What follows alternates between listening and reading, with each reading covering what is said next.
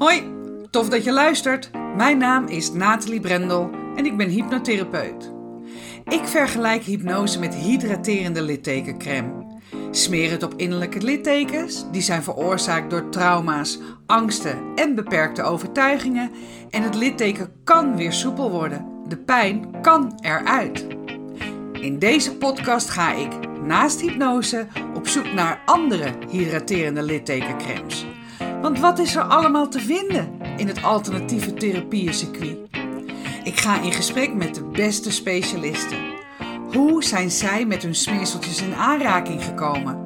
Wat was het moment dat ze dachten: dit is te gek, hier ga ik in verder? En wat doet het precies? En ik spreek ervaringsdeskundigen. Waarom zijn ze juist deze therapievorm gaan volgen? En wat heeft het ze opgeleverd? Kortom, de verhalen achter de kremmetjes. Welkom bij Smeren met Brendel.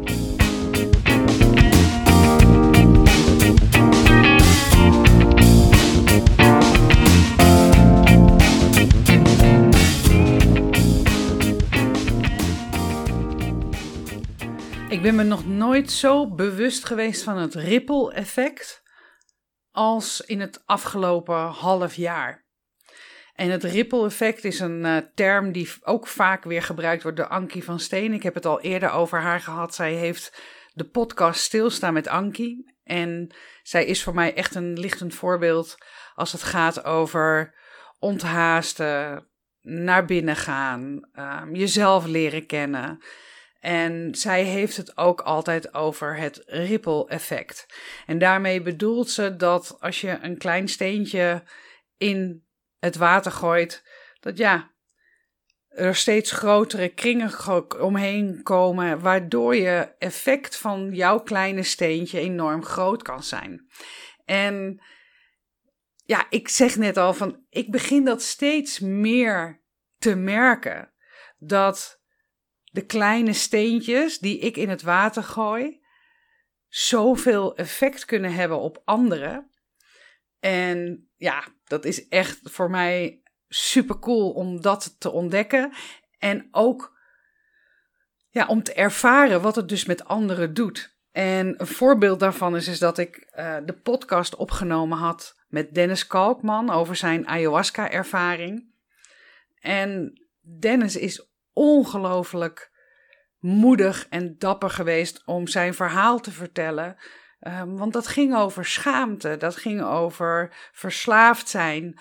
En hij heeft ook drie hele mooie kinderen. En ja, vertel dat verhaal dan maar eens gewoon op een, in een podcast, zodat iedereen het kan horen. Dus ik was echt al ja, enorm onder de indruk van het feit dat hij daar zo open over sprak. Maar afgelopen weekend had ik mijn nicht aan de telefoon uit Canada. En wij hebben supergoed contact. En zij zegt: Nathalie, jouw podcast over jouw ayahuasca-ervaring was super fijn om te luisteren. Maar die van Dennis, het gesprek wat jij had met Dennis, dat heeft zoveel voor mij betekend. Ik kon me zo identificeren met wat hij vertelde over zijn eigen jeugd. Dat ja, het zoveel met haar deed dat ze uiteindelijk besloten heeft om naar Nederland te komen en hier ayahuasca-reizen te gaan maken. En ik mag haar daarbij begeleiden. Maar dat is bijzaak. Het feit dat zij door een podcast die ik heb opgenomen, omdat ik ergens het, initiatief heb genomen om podcasts te gaan maken, om alternatieve therapievormen onder de aandacht te brengen en ook vooral mijn eigen verhaal te vertellen, dat dat zo een impact dan heeft, dat vind ik echt magisch om te ervaren. En steeds meer van mijn acties die ik nu neem, hebben een positief ripple effect niet alleen op anderen, maar ook op mezelf.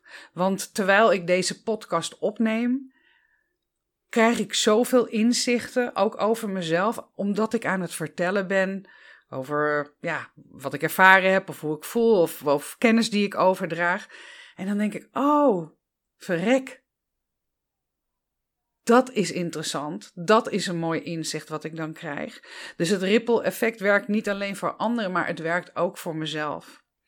En het feit dat ik me daar dus nu veel bewuster van ben, dat, dat wat ik nu aan het doen ben, de transformatie die ik nu aan het doormaken ben, de veranderingen die ik in mezelf opmerk, en het is echt best hard werken op zijn tijd. Niet altijd alles is, uh, um, ja, zelf jezelf ontwikkelen um, is best een uitdaging. En ook om het te blijven doen, want het is zeker niet altijd makkelijk. Maar het brengt wel heel veel. En omdat het mij heel veel brengt. En ik nu dus ook merk dat het ripple effect is. Dat het anderen veel brengt. Ja, weet je. Dan, dan is het gewoon de cirkel rond. En we zijn natuurlijk geboren met hersenen die, ja, we hebben gewoon sociale smeermiddel in ons brein. Wij willen met anderen connecten. Onze sociale vaardigheden zijn zo diep in de verbindingen van onze hersenen geworteld dat het allemaal samenhangt. Alles hangt van elkaar af en alles hangt met elkaar samen. Dat was natuurlijk ook heel erg duidelijk in de coronaperiode dat alles stil kwam te liggen. daar had je ook het ripple effect, alleen dan zeg maar in negatieve zin omdat je dus ineens zag dat alles met elkaar samenhing en dat uiteindelijk het leidde tot dat wij hè, uh, gingen hamsteren in de supermarkt omdat we bang waren voor tekorten in grondstoffen um, elders in de wereld. Maar het feit dat wij dus al zo met elkaar verbonden zijn, zonder dat we daar eigenlijk erg in hebben, betekent dat dat ripple effect er eigenlijk altijd al is. Alleen voor mij nu bijvoorbeeld ben ik me er veel meer bewust van. Maar onze hersenen zijn voortdurend bezig met sociale beoordelingen, met wat andere mensen denken, vinden. En de vraag is, en die is ook vanuit neurowetenschap gesteld, is dat nou aangeleerd? Hè? Zijn wij nou aangeleerd, hebben wij nu aangeleerd dat we afhankelijk zijn van anderen, dat we anderen nodig hebben, dat het ripple effect plaats dient te vinden om ja, een goed normaal leven te kunnen leiden? Of is het aangeboren? En er is onderzoek naar geweest en daaruit blijkt dat het echt al met baby's, baby's al gewoon sociaal scannen wat wel of niet oké is. En um, ze hebben bijvoorbeeld een onderzoek gedaan met baby's, die waren nog onder de één jaar. En die werden bij hun moeder op hun, op schoot gezet. En die kregen een kleine voorstelling te zien. Er was een klein eentje, die had een doos. En die kreeg in zijn eentje kreeg hij deksel niet van de doos af. En er waren twee beren, één met een rood shirt en één met een geel shirt. En de beer met het rode shirt hielp het eentje om het deksel van het doosje af te halen. Um, en in het tweede voorstellingje, uh, stelling die gegeven werd, drukte de beer met het gele shirt het deksel extra dicht, zodat het eentje uh, het deksel er niet afkreeg. Dat was de hele voorstelling. Er werd dus voor de rest ook niet in gesproken. Maar daarna werden dus die baby's twee, uh, beren, de twee beren voorgehouden. Die met het rode shirt die geholpen had. En met het gele shirt die het deksel weer op de doos had geduwd. En alle kinderen kozen voor de vriendelijke beer. Alle baby's kozen voor de beer met het rode shirtje. Dus, en die baby's die waren dus nog geen eens één jaar. Hè? Dus zo diep zit het al in ons verbonden. Onze sociale connecties, dat alles met elkaar in verbinding staat, zit op dat diepe niveau. Nou, ik vind dat echt gewoon waanzinnig als ik dat soort dingen hoor, als ik dat soort dingen lees. Um,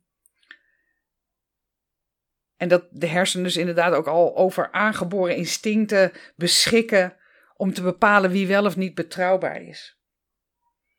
Maar terug even naar dat ripple effect, want ik ben super dankbaar dat ik, ondanks dat ik het soms best lastig vind om achter die microfoon te gaan zitten, het is voor mij echt veel makkelijker om een gesprek te voeren met een specialist of met een ervaringsdeskundige, zodat zij hun verhaal kunnen doen. Maar ik merk ook dat het voor mij steeds makkelijker wordt om mijn eigen verhaal te vertellen. Om eerlijk te zijn over waar ik vandaan kom. En door dat te doen, merk ik ook dat mensen daarop reageren. Um, dat ze nieuwe dingen over me horen of dat ze mij van een kant zien die ze niet kennen.